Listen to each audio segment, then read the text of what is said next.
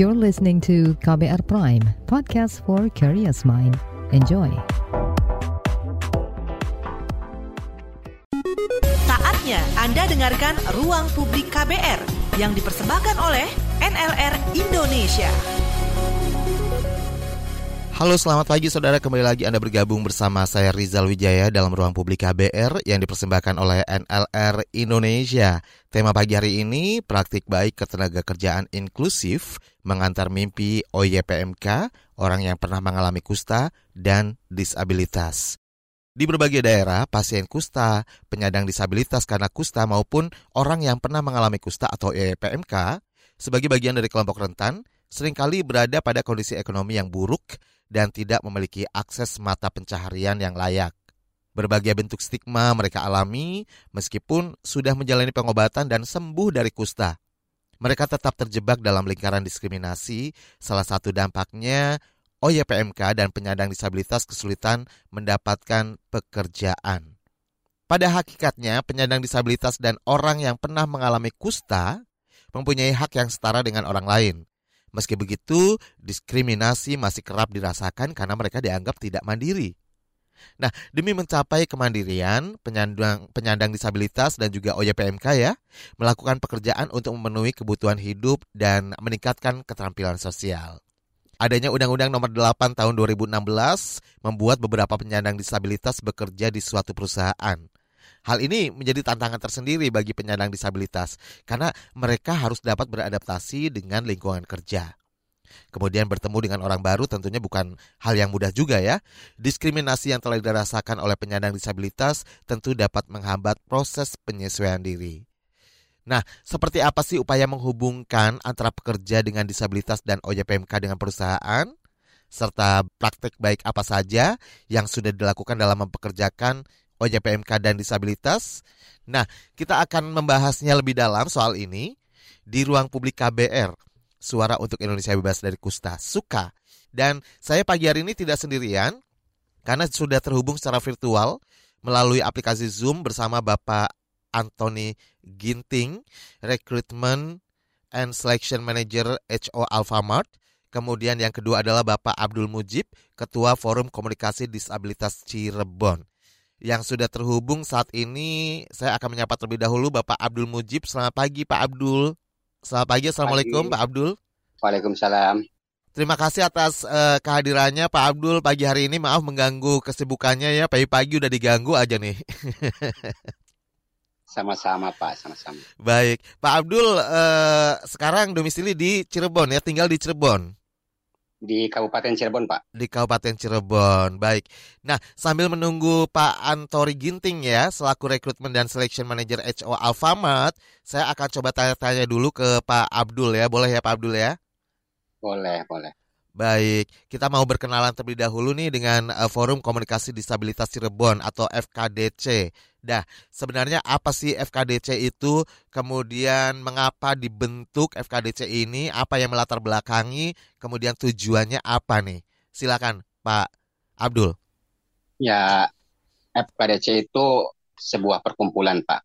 Sebuah perkumpulan atau wadah untuk saling berpartisipasi kemampuan, keterampilan, atau pengetahuan antar sesama difabel dan orang-orang yang pernah mengalami kusta. Selain itu juga sebagai sumber informasi kegiatan bagi difabel dan OYPMK sehingga terjadi interaksi dan bisa saling memotivasi sama difabel dengan tujuan untuk meningkatkan dan mengentaskan permasalahan yang mereka hadapi. Oke, nah kira-kira uh, dari awal sampai saat ini nih berapa anggota dari FKDC atau Forum Komunikasi Disabilitas Cirebon? Kemudian kapan nih pertama dibentuk, pertama berdiri? Apakah di Cirebon juga atau di mana nih? Kalau anggota sebenarnya ya naik turun ya Pak. Dari awal berdiri nah, Pak, dari awal berdiri tahun berapa tuh? Kalau awal berdiri itu tahu bulan 4 tahun 2007, Pak. Hmm, 2007. Itu anggotanya berapa pada saat itu? Anggotanya 285, Pak. Oke. Okay. 285 itu dari yang disabilitasnya 200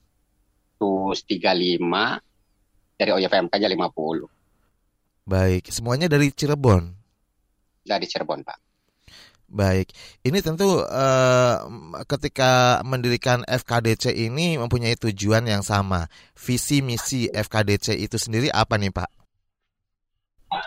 Ya, kalau visi misinya sebenarnya ini ya Pak, kita nggak muluk-muluk lah gitu kan. Karena selama ini emang masih banyak diskriminasi, makanya visi misi FKDC salah satunya terciptanya non diskriminasi hmm. dan pemenuhan pemenuhan akses dan hak hak OYVMK dan difabel. Misinya menciptakan kesetaraan dan kemandirian pada kelompok difabel dan OYVMK. Oke, dan dalam FKDC ini banyak aksi nyata yang dilakukan ya untuk penyandang disabilitas dan tentunya orang yang pernah mengalami kusta atau EPMK dalam uh, mengakses pekerjaan. Nah, kira-kira aksi nyata apa saja nih yang sudah dilakukan oleh FKDC Cirebon sejauh ini? Ya, alhamdulillah sih ibaratnya untuk masalah ketenaga kerjaan kayak semacam Alfamart sudah menerima FKDC sudah mendorong teman-teman bekerja di Alfamart sebanyak 21 orang ya. Dan bulan kemarin baru ada lagi rekrutmen ya, tapi emang belum belum belum belum diterima jadi karyawan baru rekrutmen belum ada panggilan. Terus kayak semacam dari apa namanya tuh ada dua OYPMK yang sudah diangkat jadi PNS pak jadi guru di SMK satu orang dan yang satunya ibadah menjadi guru di SLB dan ada dua orang yang diangkat menjadi karyawan LNR itu juga ada dua orang terus di ada dua orang juga ibadah yang bekerja di ini di PT Semen Tiga Roda Oke. Dan ini tentu tidak mudah ya Pak ya ketika mendorong atau melakukan praktik baik ini uh, supaya OYPMK dan juga penyandang disabilitas lainnya uh, mendapatkan pekerjaan ya kan. Nah, kira-kira boleh diberikan gambaran nih seperti apa proses ke sananya Pak yang dilakukan oleh FKDC dalam mendorong uh, mungkin tempat bekerja para penyandang disabilitas dan juga OYPMK saat ini sehingga mereka bisa diterima ya bekerja di sana.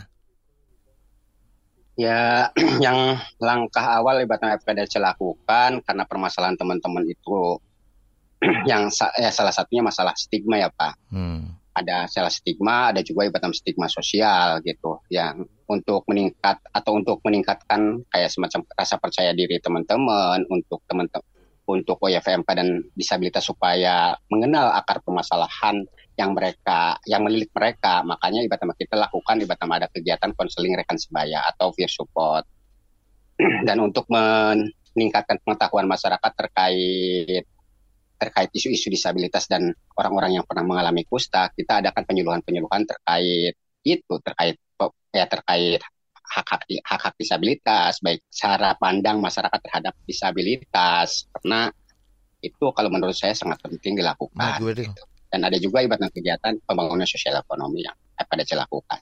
Baiklah, sebelum diteruskan uh, sudah terhubung dengan salah satu penelpon dari Kalimantan. Uh, saya akan menyapa terlebih dahulu itu ada Mbak Ella ya. Selamat pagi Mbak Ella. Halo. Halo, selamat pagi Mbak Ella. Iya, selamat pagi Mas Rizal. Ya, silakan Mbak Ella. Ada pertanyaan apa nih?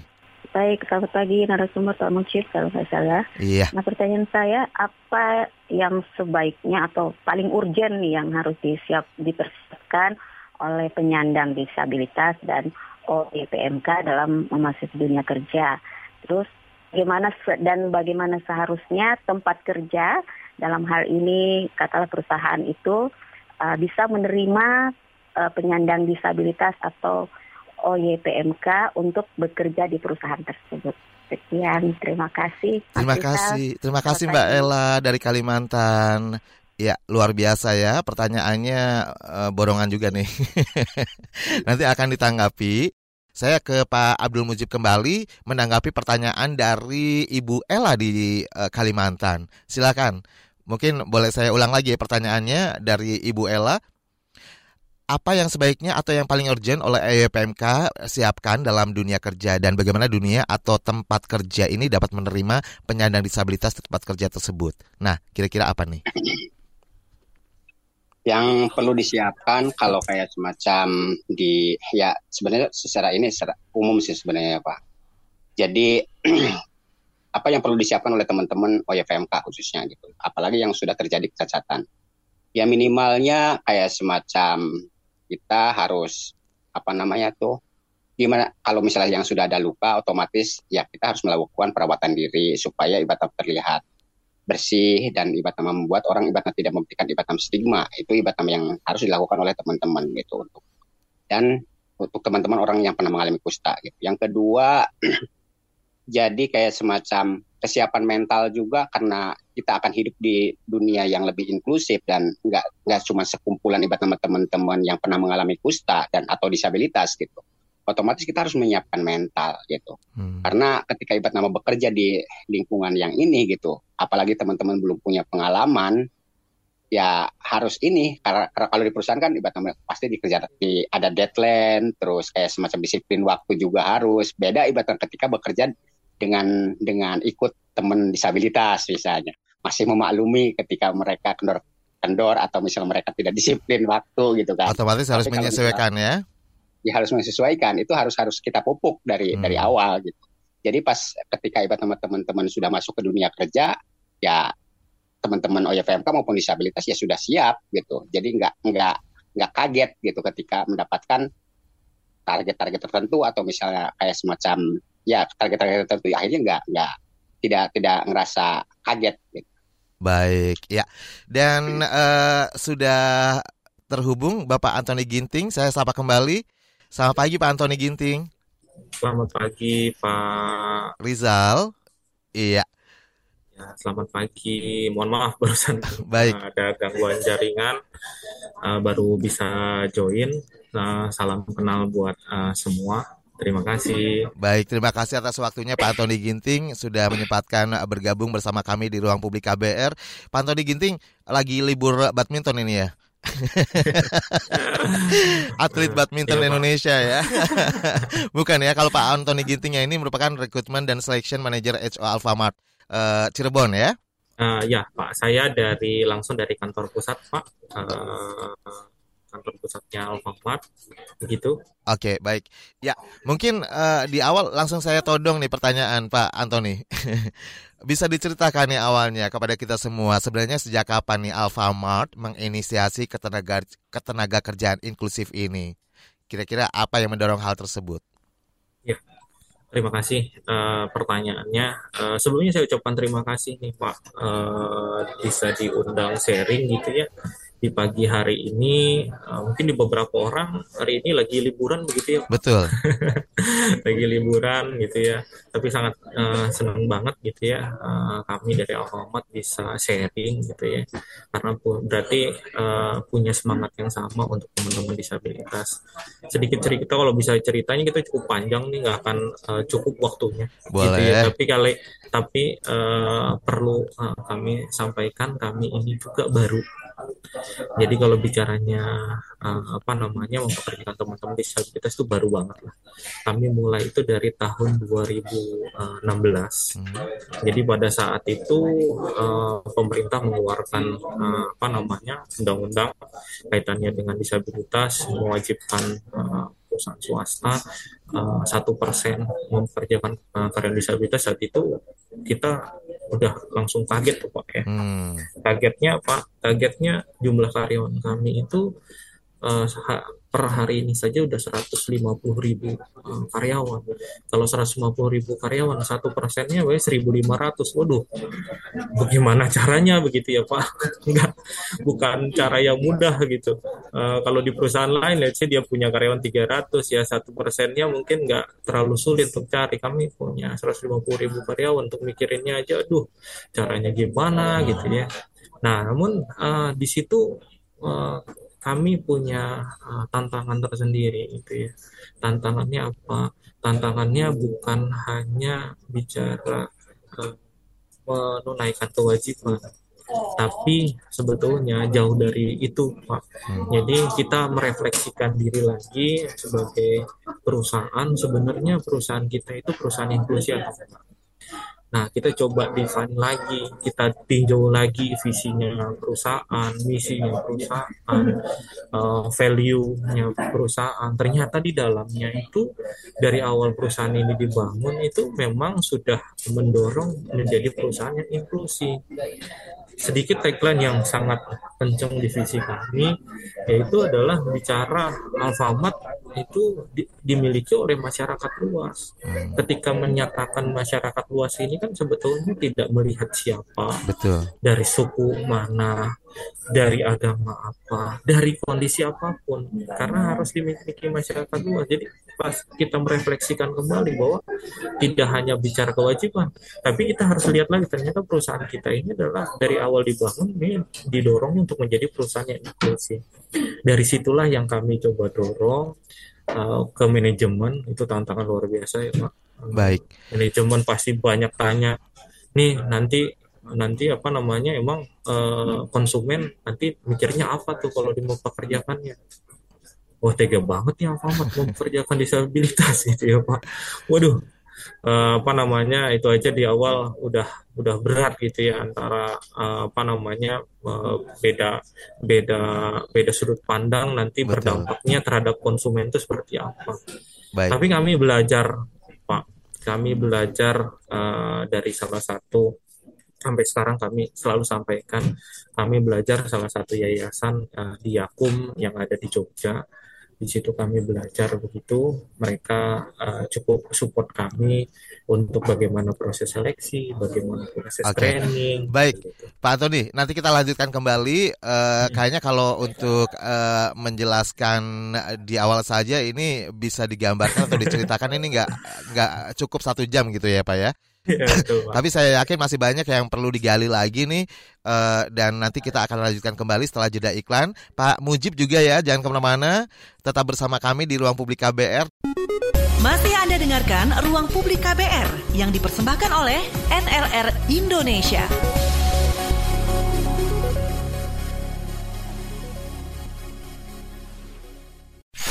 Commercial break. Commercial break. Sepasang kekasih yang terpaut usia hingga 61 tahun di Subang. Ini bukan hal baru. angka pernikahan dini juga Kawin anak terus terjadi, sering kali menjadi viral, bahkan jadi bahan guyonan dalam kemasan berita yang sensasional. Seorang gadis berusia 18 tahun. Seolah ini bukan masalah. Tapi, bagaimana rasanya kawin ketika masih di usia anak? Gimana sih perasaan saya tuh sebenarnya hancur waktu itu hancurnya bisa naik sekolah ya pengen banget sekolah lihat orang. Saya ajak kamu mendengar langsung suara mereka yang dikawinkan di usia anak. Ibu sama bapak tetap paksa untuk menikah.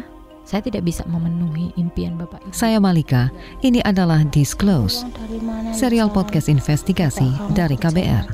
Yang penting saya mau ningkain cita-cita Disclose, dipaksa kawin bisa disimak di KBR Prime, Spotify, dan aplikasi mendengarkan podcast lainnya. Masih Anda dengarkan Ruang Publik KBR yang dipersembahkan oleh NLR Indonesia. Anda masih bersama saya Rizal Wijaya di ruang publik KBR yang dipersembahkan oleh NLR Indonesia. Kita masih uh, berbincang terkait praktik baik ketenaga kerjaan inklusif mengantar mimpi OJPMK orang yang pernah mengalami kusta dan disabilitas. Masih bersama saya Rizal Wijaya, ada Bapak Anthony Ginting selaku Recruitment and Selection Manager HO Alfamart, kemudian Bapak Abdul Mujib selaku Ketua Forum Komunikasi Disabilitas Cirebon. Saya langsung saja akan bacakan beberapa pertanyaan melalui YouTube ya sebelum saya uh, pilih nanti siapa kira-kira pertanyaan terbaik nih. Oke, ada Gita Siwi. Pagi Pak Ginting, melibatkan juga nggak sih Pak kayak psikolog gitu dalam proses rekrutmen ini? Kemudian Adi Putih, apakah ada kualifikasi khusus untuk OJPMK yang ingin menjadi karyawan Alfamart? Nah, mungkin boleh ditanggapi ya, silakan Pak Antoni Ginting. Pertanyaan dari uh, dua pendengar kami. kami sebetulnya kalau bicara psikolog kami uh, tidak tidak melibatkan secara khusus begitu tapi kami malah lebih banyak melibatkan adalah uh, yayasan maupun sekolah yang memang ekspor di bidang uh, disabilitas begitu. Itu yang kami uh, libatkan. Jadi saya kami kolaborasi dengan SLB yayasan-yayasan disabilitas terutama sekarang juga kita update juga kita kerjasama dengan universitas dengan UNJ untuk uh, setup uh, kurikulum setup modul pelatihan uh, apa namanya metode uh, seleksi rekrutmen. Jadi kami terus berprogres begitu. Jadi uh, termasuk uh, bapak ibu yang pendengar gitu ya kalau punya apa namanya terhadap disabilitas nah, boleh kita kolaborasi. Kami pun sangat terbuka untuk kami bisa proses belajar begitu. Yang punya semangat yang sama kami terbuka uh, lebar begitu Baik, ya. Jadi untuk kualifikasinya sendiri seperti apa nih, terutama bagi OYPMK, Pak? Ya, uh, untuk yang kualifikasi sebetulnya uh, saat ini sih kami uh, apa namanya sesuaikan dengan lokasi kerjanya begitu. Jadi memang uh, kami ada tiga lokasi kerja secara besaran. Ada yang di office, ada yang di uh, dan ada yang di store begitu. Nah dari kualifikasi uh, tiga lokasi ini yang memang kami dorong adalah uh, semangat untuk teman-teman disabilitas di sini adalah mampu uh, apa namanya uh, memiliki uh, kemampuan untuk mobilitas secara mandiri itu pertama begitu ya. Kenapa sih? Itu uh, karena perlu kami uh, sampaikan begitu ya. Mobilitas mandiri ini uh, kenapa kami uh, salah satu menjadi persyaratan uh, karena uh, kaitannya dengan kami punya cakupan wilayah cukup luas begitu ya Bapak Ibu. Kami punya toko yang tersebar kurang lebih uh, 17.000 store begitu yang beda-beda lokasi yang memang uh, apa namanya uh, sangat uh, mendorong untuk teman-teman disabilitas juga ma uh, mau mendorong dirinya itu uh, mampu untuk mobil mobilitasnya itu dulu satu. Terus yang keduanya adalah kaitannya dengan uh, dari sisi uh, soft skillnya. Hmm. Nah, soft skill di sini yang kami sangat dorong adalah bagaimana teman-teman disabilitas ini juga memiliki kemampuan untuk uh, berkomunikasi baik. Berkomunikasi baik adalah kok nanti yang teman-teman rumu bicara gimana? Rumu bicara juga mereka punya uh, komunikasi yang baik entah itu dengan uh, berbahasa isyarat, bisa membaca gerak bibir. Menurut kami itu adalah salah satu cara berkomunikasi baik. Gitu. Itu uh, yang kami coba dorong untuk teman-teman disabilitas. Kaitannya dengan technical skill-nya, memang kami di perusahaan juga sudah punya learning center yang bisa membantu teman-teman disabilitas juga untuk bisa adaptasi terhadap pekerjaan yang ada di kami. Baik. Mungkin itu dulu, Pak. Ya. Oke, okay. dan uh, tentunya uh, untuk mendorong ketenaga kerjaan yang inklusif ini uh, butuh sosialisasi dari FKDC gitu ya sebagai forum komunikasi disabilitas Cirebon utamanya yang ada di kota Cirebon atau Kabupaten Cirebon dan termasuk di kota-kota yang lain gitu ya. Nah, kira-kira uh, Pak Abdul Mujib, seperti apa nih sosialisasi yang dilakukan FKDC dalam melakukan advokasi dan agar pelaku usaha seperti Alfamart ini aware ya dalam mempekerjakan OYPMK atau orang yang pernah mengalami kusta dan penyandang disabilitas lainnya. Silakan Pak Mujib. Hmm, terima kasih. Yang dilakukan oleh FKDC selama ini ya kita nggak ini ya nggak terlalu nggak muluk-muluk gitu kan. Hmm. ya paling kayak semacam ketika ibadah sama teman-teman berkegiatan itu kita posting. Tadi buatkan konten YouTube entah ibadah kita share-share ke grup-grup gitu. Dan ketika misalnya ada ada peluang-peluang untuk kesempatan menyuarakan isu-isu disabilitas ya kita masuk gitu Nah, salah satunya waktu tahu bulan kemarin kita dipinta menjadi narasumber di kegiatan sosialisasi undang-undang ketenaga kerjaan. Dan pesertanya itu apa namanya tuh ya semuanya pelaku-pelaku usaha gitu. Nah momen itu ya kita nggak sia-siakan untuk menyuarakan isu-isu disabilitas dan kayak semacam praktek-praktek baik yang sudah dilakukan oleh yang sudah teman-teman yang sudah bekerja juga itu kan itu akan mem, ini ya akan akan menambah ibarat nama kayak semacam bisa menurunkan stigma gitu hmm. atau menambah kepercayaan untuk teman untuk pelaku pelaku ya untuk teman-teman yang yang yang teman-teman disabilitas maupun menambah kepercayaan dari pelaku pelaku usaha gitu. Karena saya belajar ibaratnya dari pengalaman. Dulu saya juga sama gitu sempat ragu dengan kemampuan disabilitas walaupun saya sendiri selaku disabilitas gitu. Dan saya juga dulu sempat takut khawatir dengan teman-teman kusta gitu. Kenapa ibarat sekarang saya tidak takut dengan teman-teman kusta atau misalnya dengan teman tidak ragu dengan kemampuan-kemampuan disabilitas? Karena saya kenal langsung, karena saya karena saya tahu gitu. Persis karena saya sering berhubungan langsung dengan teman-teman gitu. Sehingga saya tahu di mana ibarat mah kelebihan-kelebihan teman-teman disabilitas maupun kayak semacam pemahaman-pemahaman kusta, oh ternyata kusta itu bisa sembuh. Hmm. Oh ternyata kalau misalnya sudah ada luka juga ketika dirawat itu bisa ya tidak ya bag, ya hasilnya bagus gitu kan, tidak tidak terlihat kotor gitu. Sehingga dengan sendirinya saya akan memberikan penilaian positif ke teman-teman gitu. Okay. Nah, dari pengalaman-pengalaman yang saya terima, saya praktekkan gitu ketika ketika ada sosialisasi saya juga libatkan libat sama teman-teman OYFMK dan dan disabilitas gitu. Waktu awal-awal sebenarnya banyak kayak semacam yang tamu undangan itu tidak mau berjabat tangan berjabat tangan dengan teman-teman OYPMK. Tapi karena sering dilakukan gitu, akhirnya mereka terbiasa gitu. Sehingga stigma sosial yang melekat atau yang yang membelenggu teman-teman OYPMK akhirnya turun gitu. Okay. Dan akhirnya kesempatan-kesempatan dengan sendirinya akan datang. Baik. Jadi Pak Abdul Mujib sendiri awalnya juga takut ya sama orang uh, uh, dengan kusta gitu ya? Ya, waktu awal saya ya awal-awalnya ya. Ternyata karena saya waktu awal-awal kan lihatnya yang di internet, uh, oh ternyata kusta baik. seperti ini seperti ini. Gitu. Artinya gitu. perlu setelah perlu uh, selalu diberikan pemahaman kepada masyarakat kita supaya uh, tingkat kesadarannya supaya tidak apa ya semakin meningkat gitu ya supaya tidak ya, lagi ya. ada stigma terhadap uh, eh, OYPMK ataupun penyandang disabilitas yang lain. Baik dan ada Sofia di Makassar sudah menelpon. Selamat pagi, halo Sofia. Iya, selamat pagi. Silakan. Halo, Ibu Sofia. Ya. Apa yang ya, mau ditanya nih? Oh ya, uh, pertanyaan saya seperti ini. Uh, kalau OYPMK itu kan kasihan ya, masih terbatas uh, penerimaan tenaga kerjanya sama dengan uh, disabilitas ya. Tapi namun jangan diragukan bahwa yang uh, disabilitas itu juga punya banyak kelebihan loh. Hmm. Ya, punya banyak kelebihan. Ada yang sampai uh, sarjana sudah S2 bahkan sudah S3. Nah, pertanyaan saya, apakah ada penyaluran tenaga kerja untuk uh, eh, OYPMK dan uh, penyandang disabilitas bagaimana ke depannya agar mereka bisa berprestasi uh, mengandalkan ilmu yang mereka kejar selama mereka kuliah.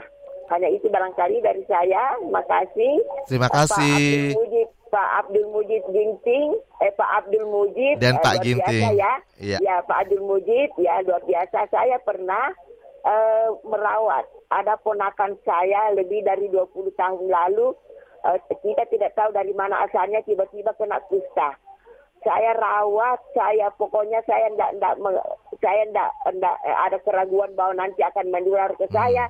Alhamdulillah anak tersebut sudah sembuh total. Walaupun uh, bekas jari-jarinya itu memang kelihatan dan wajahnya ada bekas-bekas uh, okay. uh, kayak habis kena cacar gitu loh. Tapi yang jelas bahwa saya tidak pernah ragu merawat ponakan saya. Alhamdulillah sudah sehat. Dan, dan Ibu Sofia juga tidak pernah tertular ya? Oh enggak, Alhamdulillah Baik. sampai sekarang. Ya. Dengan ikhlas saya uh, merawat ponakan saya. Ya. Terima kasih ya Mas Risa. Terima kasih Ibu ya, Sofia, selalu sehat Ibu Sofia. Terima kasih. Baik, dan nanti akan ditanggapi ya pertanyaan dari Ibu Sofia uh, setelah jeda iklan berikut ini. Jangan ke mana-mana, tetap di ruang publik KBR bersama saya Rizal Wijaya. Masih Anda dengarkan Ruang Publik KBR yang dipersembahkan oleh NLR Indonesia.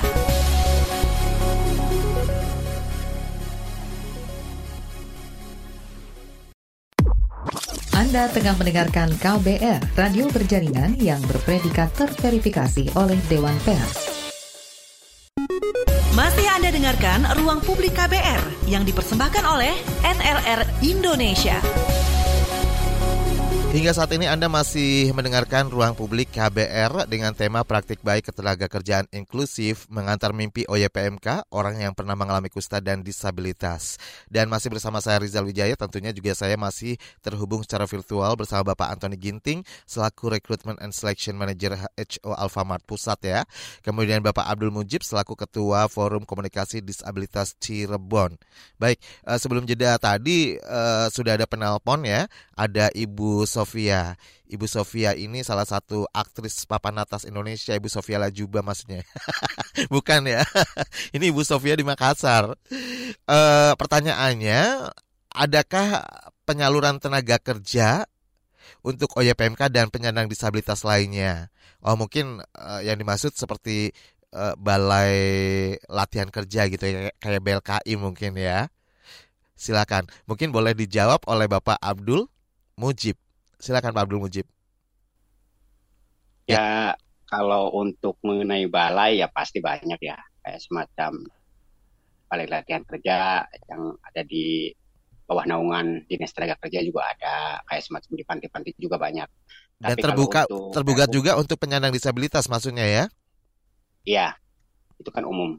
Terus kalau kayak semacam untuk rekrutmen juga kan kalau sekarang udah ada kayak semacam apa namanya tuh yang untuk penerimaan tes CPNS itu ada ibadah nama khusus untuk ibadah nama teman-teman disabilitas. Terus kayak semacam yang dilakukan oleh Alfamart juga kan sebenarnya ada ibadah penerimaan lowongan eh, tenaga kerja untuk khusus disabilitas juga hmm. itu sudah di sudah mulai dilakukan oleh perusahaan-perusahaan. Oke. Okay. Itu sudah sudah banyak sebenarnya. Baik, kalau dari uh, Forum Komunikasi Disabilitas Cirebon sendiri, apakah ada program untuk peningkatan kapasitas bagi OYPMK dan juga penyandang disabilitas lainnya sejauh ini? Ya, selama ini kita melakukan ibadah pendekatan untuk teman-teman terhadap ibadah teman-teman OYPMK ya. Kita melakukan peer support sih Pak. Hmm? Gimana caranya supaya ibadah teman-teman OYPMK itu mengenal ciri fisik, dan apa namanya itu mau mengakui ciri fisik tersebut gitu. Nah, kenapa hal itu penting gitu? Karena kalau kitanya sendiri tidak tahu ibarat nama kondisi diri kitanya sendiri gitu. Bagaimana ibarat nama mereka mau mengakui bahwa bahwa apa namanya itu di diri kita itu ada kekurangan gitu. Makanya kita penting mengenal, mengenal ibarat nama ciri fisik yang ada pada diri kita gitu. Ketika sudah mengenal, ya kita harus akui itu sebagai identitas gitu. Hmm. Karena kalau misalnya teman-teman sudah mengakui kalau itu sebagai identitas, ketika ada cemoohan, ih buntung, ih picek, ih cacat, ya kita biasa-biasa aja. Emang fakta seperti itu. Gitu. Kita tidak bisa menghindar dari itu gitu. Makanya hal itu ibaratnya perlu kita lawan. Nah, ketika kita sudah mengakui sebagai identitas, otomatis kita juga harus mempublikasikan ke lingkungan sekitar bahwa fisik saya seperti ini loh gitu. Kelemahan saya seperti ini tapi ketika ibadah ada bidang miring setidaknya saya bisa beraktivitas. Hmm. atau misalnya kayak semacam saya penglihatannya emang mengalami gangguan tapi ketika ibadah ada ada koran di depan di depan saya tolong dibacakan supaya saya tidak ketinggalan informasi. Sehingga ada interaksi dari masyarakat yang ada di lingkungannya gitu. Sehingga okay. masyarakat teman-teman disabilitasnya juga ya akhirnya tidak memiliki hambatan Baik, merasa nyaman gitu ya. Baik, ya kemudian ke Pak Antoni Ginting. Pak Antoni, uh, tentunya dalam rekrutmen karyawan ini ada pertimbangan dan uh, melalui tahapan tes seperti itu ya yang dilakukan oleh perusahaan. Nah, ada nggak sih perbedaan tahapan tes bagi karyawan disabilitas atau IPMK dan non disabilitas?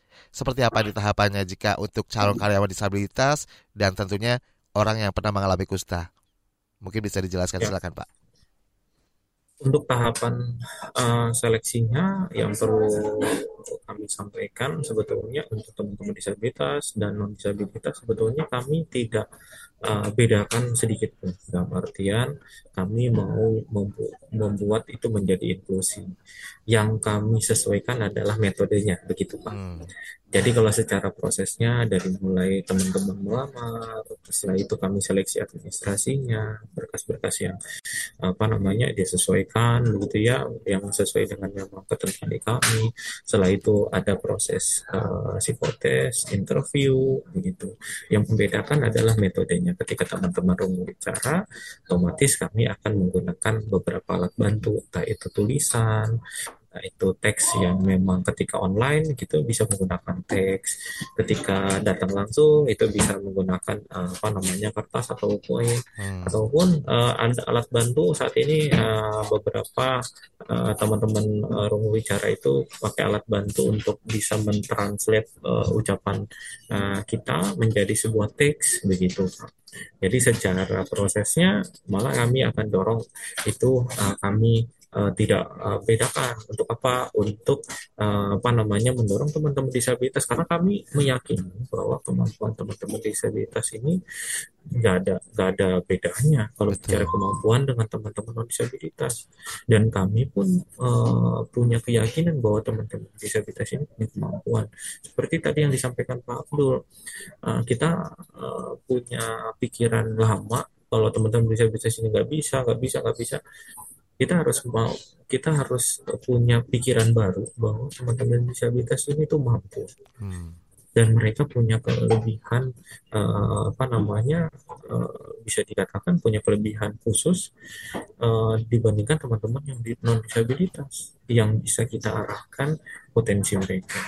Benar tadi yang disampaikan juga tadi sama ibu siapa ya uh, kaitannya ibu Sofia. Mereka ada yang udah S S1, S2 sama di kami pun ada di hmm. termasuk di kantor pusat ini kami rekrut uh, anaknya dia udah uh, apa namanya uh, S1 dan dia uh, rungu bicara dan dia juga uh, berkontribusi produktif secara kerja begitu. Baik. Kita coba untuk menghilangkan hambatannya, kita coba perluas uh, dia punya potensi itu Jadi tidak ada diskriminasi dan memang sama gitu ya, secara skill sama bahkan bisa lebih baik gitu ya Pak ya dari non disabilitas. Nah, ini salah satu yang mungkin uh, motivasi untuk membangun kepercayaan diri bagi teman-teman disabilitas dan juga OYPMK.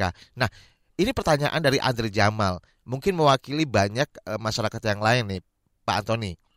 Bagaimana Alfamart meyakinkan pembeli atau customer gitu ya kalau penyandang disabilitas dan OYPMK ini aman berinteraksi dengan mereka? Ya, uh, nah itu dia ya, uh, Pak. Uh, kalau dulu ya pikiran lama gitu ya tadi sampaikan bahwa ketakutan kami kaitannya dengan pandangan masyarakat. Namun perlu kita uh, lihat kembali sebetulnya pada saat ini uh, cukup luar biasa lah ya so, bertahapnya Indonesia ini pun menjadi negara yang inklusif begitu. Kenapa? Karena uh, boleh kami uh, sampaikan uh, teman-teman disabilitas ini tuh meningkatkan corporate reputation-nya. Hmm. Kami sharing hari ini juga kami punya keyakinan bahwa dengan kami sharing ini pun akan bukan membuat alfamatnya semakin uh, apa namanya uh, tidak tidak dinilai uh, tidak dinilai tidak apa namanya tidak dinilainya jelek gitu tapi malah kami punya keyakinan positif bahwa dengan kami dan disabilitas ini akan semakin dinilai baik gitu jadi baik. kami punya punya dorongan bahwa uh, mempekerjakan teman-teman disabilitas berkolaborasi dengan teman-teman disabilitas ini uh, kami punya keyakinan bahwa akan meningkatkan reputasinya perusahaan. Baik, gitu. karena bagaimanapun juga praktik baik ya Betul. Iya di di dunia ketenaga kerjaan.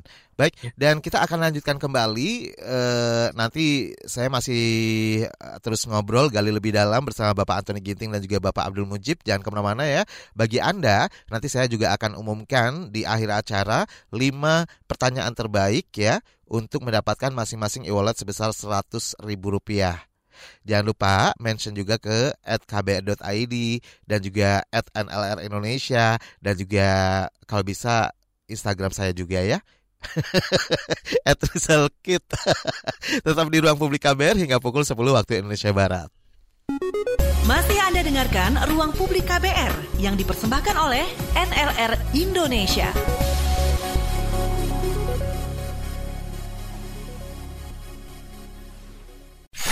Commercial break.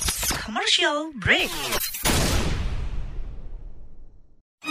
Sekarang kamu nggak bakal ketinggalan berita lagi. Lewat podcast, kamu bisa kembali menyimak apa yang sudah lewat serta obrolan seru di balik sebuah peristiwa. Gak perlu repot download aplikasi lagi. Ketik aja kbrprime.id di browser ponsel pintar kamu dan simak beragam podcast di KBR Prime. Mulai rangkuman berita hingga cerita. KBR Trending, Ruang Publik, Love Buzz, Disko, Diskusi Psikologi, Parbada, Ngulas Film, Lika-Liku Mancanegara, Cek Fakta, dan masih banyak lagi. Jadi waktu pas saya mau bunuh diri itu halusinasi saya bilang mati aja buruan sampah katanya mau mati. Teman-teman juga ada pada tahu sih I'm gay. Tapi mereka fine-fine aja sih selama kita baik mereka welcome kok. KBR Prime menemani aktivitas harianmu yang padat dengan beragam informasi dan obrolan seru. Kapan saja dan di mana saja. Temukan juga podcast KBR Prime di aplikasi podcast lainnya. KBR Prime, cara asik mendengar berita. KBR Prime, podcast for curious mind. Masih Anda dengarkan Ruang Publik KBR yang dipersembahkan oleh NLR Indonesia. Inilah bagian akhir ruang publik KBR bersama saya Rizal Wijaya yang dipersembahkan oleh NLR Indonesia dengan tema pagi hari ini praktik kebaik ketenaga kerjaan inklusif mengantar mimpi orang yang pernah mengalami kusta dan disabilitas. Baik, dan banyak banget pertanyaan yang sudah masuk yang sudah Anda kirimkan melalui uh, kolom komentar di live chat YouTube Berita KBR, kemudian melalui DM atau direct message ya inbox ke Instagram @kbr.id juga. Kemudian yang sudah telepon juga terima kasih sekali dan saya akan bacakan kembali dari Yanti Alif.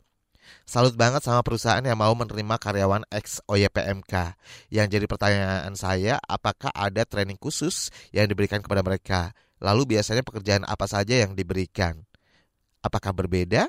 Silakan. Mungkin uh, dari Pak Anton ini ya, yang sudah mempekerjakan uh, penyandang disabilitas dan juga uh, OYPMK. Silakan Pak Anton diginting.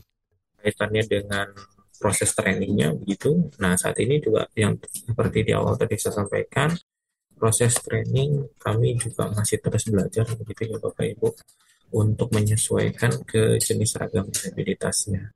Yang pasti kami punya keyakinan bahwa uh, semua proses uh, selama prosesnya uh, customize dengan menyesuaikan ragam uh, disabilitas itu akan uh, mendukung mereka untuk cepat beradaptasi. Jadi memang customize banget. Nah, kami coba untuk uh, berikan proses trainingnya, modulnya, materi trainingnya sama tapi yang membedakan adalah balik lagi metodenya yang kami bedakan. Kami menyesuaikan uh, ke ragam uh, disabilitasnya. Untuk teman-teman daksa mungkin tidak ada pembedaan sama sekali karena mereka secara apa namanya proses belajar tidak ada kesulitan dari mulai proses online, dari proses praktek dan seterusnya itu tidak ada uh, namanya perbedaan dengan teman-teman yang non disabilitas. Tapi untuk teman-teman yang uh, khusus yang uh, di rumah wicara, memang kami harus punya teknis khusus begitu untuk men mendeliver informasi uh, prakteknya itu. Nah itu yang memang uh, kami sesuaikan dari sisi metodenya. Jadi materinya tidak berbeda, tapi yang uh, kami bedakan adalah metodenya. Begitu.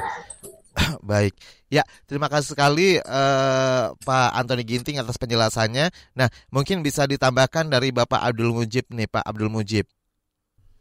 Ya, kalau mengenai masalah ada kriteria khusus ya. Tapi yang paling penting kalau menurut saya gini ya, karena dari awal kayak yang dijelaskan oleh pihak oleh Pak Antoni gitu, pertanyaannya ter apa menujunya ke OYPMK, tapi yang yang beliau jawab itu mengenai masalah masalah disabilitas, hmm. disabilitas dan disabilitas. Memang kalau ya PMK itu ya bagian dari dari dari disabilitas gitu kan. Nah, perlu ibarat nama kita pahami ya. Teman-teman orang yang pernah mengalami yang sedang mengalami kusta ataupun orang yang pernah mengalami kusta gitu. Sebenarnya bukan masalah medis sebenarnya, bukan hanya cuma masalah medis gitu. Karena kalau medis mungkin kayak semacam teman-teman OYPMK ya cukup diberi obat. Hmm Nah, ketika ibaratnya diberi obat itu bisa sembuh. Nah, tapi masalah yang yang dihadapi oleh teman-teman OYPMK itu gitu bukan yang memperpuruk keadaan teman-teman itu bukan masalah medisnya, melainkan stigma sosialnya.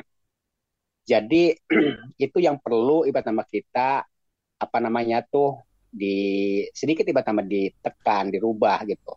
Tingkatkan pengetahuan masyarakatnya maupun teman-teman OYFMK-nya sendiri gitu. kayak semacam stigmanya kita harus harus ditekan. Hmm. Emang kalau yang namanya stigma tidak bisa hilang, tapi minimalnya kita bisa tekan, bisa turunkan gitu kan. Tetap ya Karena, kepercayaan diri menjadi yang paling penting, yang paling utama ya Pak ya.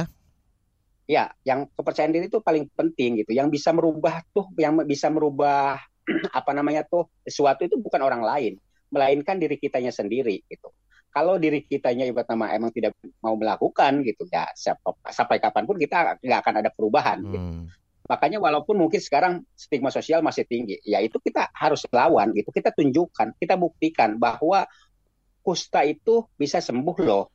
Ketika kusta itu sama seperti penyakit-penyakit yang lainnya seperti pilek, okay. penyakit mata, emang menular, tapi ketika sudah diobati, ya itu sudah tidak menularkan dan bisa sembuh gitu. Baik. Kenapa kalau misalnya kayak semacam penyakit pilek tidak pernah ada orang yang bilang ek penyakit pilek. Nggak ada stigma ya. Atau ek penyakit mata gitu. Tapi kalau kusta kenapa harus ada ibarat nama istilah itu okay, gitu. Okay, baik. Padahal setelah ibarat mereka berobat ya dia sudah sembuh gitu. Baik. Ya, dan terakhir nih ada pertanyaan dari Fitri Rosdiani bagaimana support FKDC terhadap OYPMK yang telah bekerja di lapangan secara dunia kerja di luar sana tidak semua orang bisa bersikap baik. Nah, support apa nih dan kemudian pesan apa yang ingin disampaikan juga rekomendasi yang ingin disampaikan kepada eh, pihak-pihak uh, terkait tentang implementasi ketenaga tenaga kerjaan yang inklusif dari FKDC. Silakan Pak. Pak Mujib. Ya untuk rekom ya untuk rekomendasinya ya untuk hmm. rekomendasi mungkin kan kalau kayak semacam untuk peningkatan skill ya kayak pelatihan pelatihan keterampilan itu udah banyak gitu. Oke. Okay. Tapi yang belum ada itu soft skill kayak semacam teman-teman tuh belum punya pengalaman bekerja otomatis gimana caranya kayak komunikasi yang bag yang bagus yang tadi dijelaskan oleh Pak Ginting, terus gimana caranya bersikap dengan rekan kerjanya, terus gimana caranya ibarat sama teman-teman itu bisa apa namanya tuh bisa mengejar target. Itu perlu di, di perlu di, di, diadakan pelatihan mengenai mengenai hal itu gitu soft supaya skill ya. ketika ada peluang nah soft skill ketika ibarat sama teman-teman ada peluang seperti itu akhirnya ya teman-teman sudah siap gitu kan itu sangat penting ibarat nama dilakukan Baik. dan pemerintah juga khususnya unit layanan disabilitas harus memiliki apa namanya tuh database ya terkait pelamar ya ibarat nama kayak semacam profil teman-teman pelamar kerja gitu. Okay. Jadi ketika misalnya oh pabrik garment ini butuh ya setidaknya kita sudah punya gitu atau misalnya Alfamart yang lebih ke ini gitu ke yang retail model penjualan gitu ya setidaknya skill-skill itu ya harus kita udah punya gitu. Baik. Jadi ya kesempatan-kesempatan akan lebih terbuka buat teman-teman. Baik. Nah, uh, kalau untuk Pak Ginting, Pak Ginting terakhir sedikit saja, singkat saja, um, kira-kira semangat apa nih yang ingin disampaikan kepada penyandang disabilitas dan juga OYPMK serta uh, mungkin dunia kerja gitu ya atau perusahaan yang lain yang belum uh, mempekerjakan penyandang disabilitas dan juga OYPMK. Ya, uh, kalau untuk teman-teman disabilitas. Uh, apa namanya. Yang perlu saya sampaikan adalah jangan pernah uh, takut mencoba gitu ya. Dalam artian uh, tunjukkan saja uh, teman-teman punya kemampuan. Yang tadi sempat disampaikan oleh Pak Abdul uh, selama kita nggak pernah berani nggak pernah mau menunjukkan kita punya kemampuan uh, kita akan selamanya uh, me, me menginklusikan diri kita sendiri gitu ya. Bahwa uh, lingkungan itu akan menjadi inklusi uh, selama teman-teman mau dari diri sendiri ya. punya kemampuan. Baik. untuk yang perusahaan begitu ya untuk perusahaan saat ini walaupun kalau bicara jumlah mempekerjakan disabilitas belum banyak saat ini kita baru 900-an karyawan disabilitas lah jumlah itu masih jumlah yang sangat sedikit okay. dari kalau populasi uh, disabilitas di Indonesia.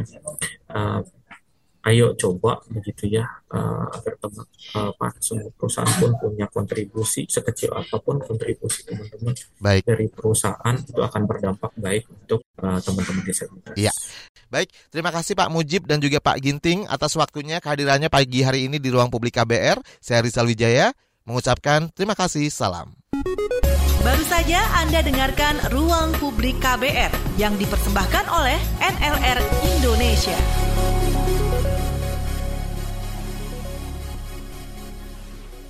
KBR Prime, cara asik mendengar berita. KBR Prime, podcast for curious mind.